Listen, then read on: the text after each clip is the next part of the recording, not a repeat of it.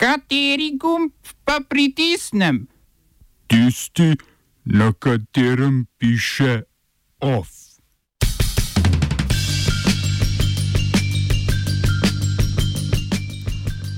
Na parlamentarnih volitvah v Srbiji zmagala SNS Aleksandra Vučiča. V Belorusiji pridržali protestnike zoper ponovno kandidaturo predsednika Lukašenka. V Združenem kraljestvu ustanovljena delovna skupina za pravice pripadnikov generacije Windrush. Južni tranzicijski svet v Jemnu zauzel otok Sokotra. V kulturnih novicah Plečnikova odličja, Cankareva nagrada, spletni pogovor o kulturnih strategijah evropskih mest.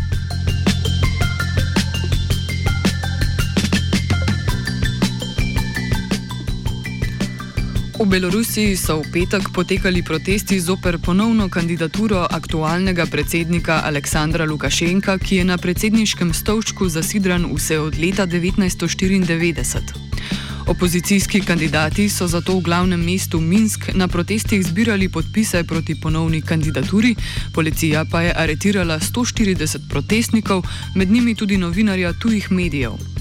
Med protestom je bil v Minsku več ur moten dostop do interneta, povod za demonstracije pa je bilo nestrinjanje s pridržanjem opozicijskega kandidata Viktorja Babarika in njegovega sina Eduarda, ki vodi očetovo volilno kampanjo.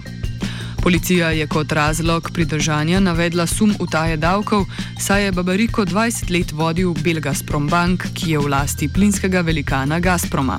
Predsednik je izjavil, da je preprečil revolucijo in obvaroval suverenost države.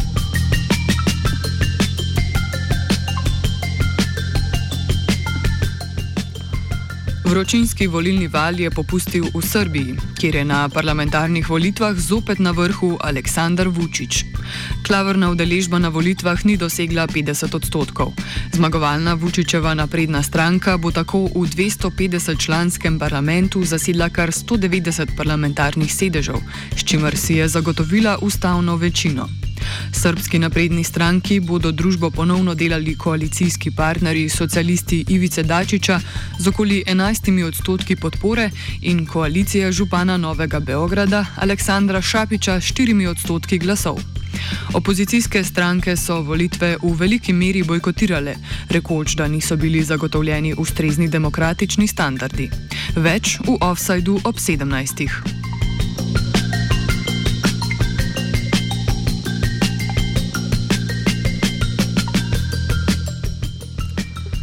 Temperatura se dviguje tudi na ameriškem političnem parketu, kjer predsednik Donald Trump zanika govorice o bojkotu predvolilnega shoda v Oklahomi.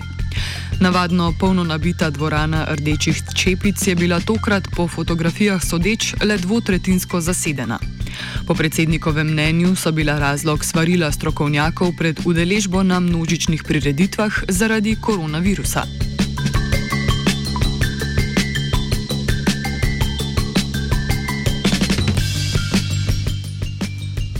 V Združenem kraljestvu je vlada na nacionalni dan Windrusha ustanovila delovno skupino, ki bo naslavljala probleme, s katerimi se sooča tako imenovana generacija Windrush.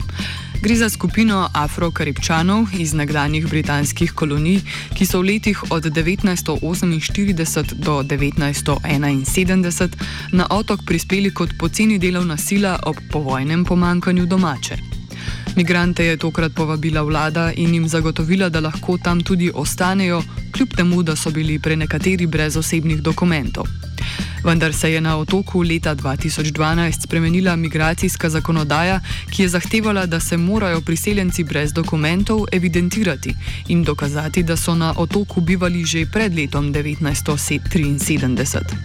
Pred tem letom priseljenci dokumentov za bivanje niso potrebovali, saj se jim je takrat avtomatično priznala pravica do bivanja.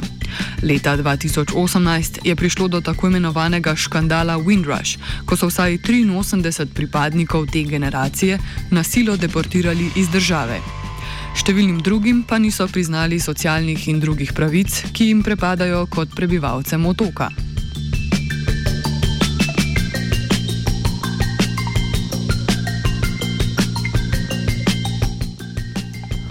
Študentske skupine in vodstva sindikatov v Hongkongu niso uspeli zagotoviti zadostne volilne udeležbe na glasovanju za stavko proti zakonodaji o nacionalni varnosti, ki jo je sprejela Kitajska. Nova kitajska zakonodaja kriminalizira delovanje v podporo odcepitve od Kitajske, spodkopavanje moči avtoritete centralne kitajske vlade, uporabo nasilja in ustrahovanja ter posredovanje zunanjih sil v Hongkongu.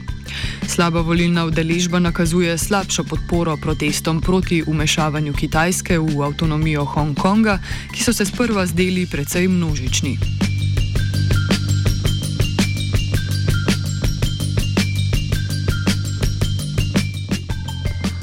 Južni tranzicijski svet, ki je aprila razglasil samo pravo, je zauzel otok Sokotra, ki se nahaja ob vstopu v Adenski zaliv. Tam poteka, poteka pomembna pot za ves ladijski promet med Evropo in Kitajsko. Uloga Južnega tranzicijskega sveta znotraj koalicije pod vodstvom Saudove Arabije in situacijo v Jemnu komentira sociolog Primoš Šterbenc. Torej, najprej bi rad povedal, da na jugu Jemna oziroma v nekdanji socialistični demokratični republiki Jemen vse od združitve obeh delov Jemna leta 90 in potem državljanske vojne 1994 obstaja veliko nezadovoljstvo, kaj ti, kaj ti ljudje v južnem Jemnu, katerega glavno mesto je Aden, verjamejo torej, da so na nek način izkoriščeni. Čeprav so prispevali k skupni državi dve tretjini ozemlja in pa večino naftnih verov oziroma dohodkov, pa menijo, da se le malo denarja od teh dogodkov prelije nazaj v, torej v razvoj južnega dela Jemna.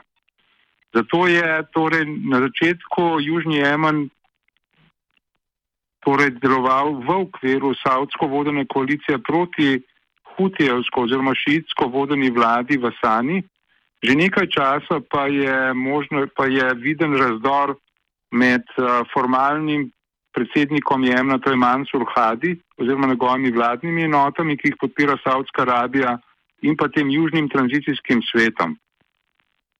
Povedati je treba, da je ta južni tranzicijski svet dolgo časa torej podpiral močan zunanji akter, to so Združeni arabski emirati, ki so se izkazali za vojaško najbolj sposobne delovati predvsem na kopnem v Jemnu. Vendar pa so se Združeni arabski emirati lansko poletje umaknili iz Jemna. Podpora Južnemu tranzicijskemu svetu je večinoma omejena na območje Adna, razloži Štrebenc. Vprašanje je, v kolikšni meri še vedno podpirajo torej Južni tranzicijski svet. Po mojem mnenju ga niso povsem nehali podpirati. Saudska Arabija je novembra lansko leto poskušala spraviti vlado predsednika Mansurja Hadija in pa Južni tranzicijski svet, vendar pa je Južni tranzicijski svet eh, kmalo zatem postal nezadovoljen, čež da njegovi borci niso pravočasno plačani strani vlade in pa da dobiva premalo, da dobiva premalo oskrbe oziroma orožja in pa hrane od vlade. Tako ni na ključe, da torej Južni tranzicijski svet od aprila letos na, nadaljuje z nekimi separatističnimi ukrepi. 25. aprila je razglasil samo upravo in zauzel vladne palače v Adnu, ključno s centralno banko.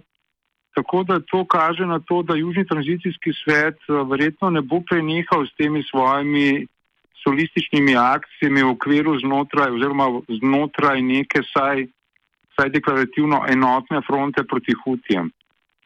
Vendar le pa tisto, kar je pomembno dodati, je to, da Južni tranzicijski svet očitno nima podpore na vsem ozemlju nekdanjega Južnega Jemna.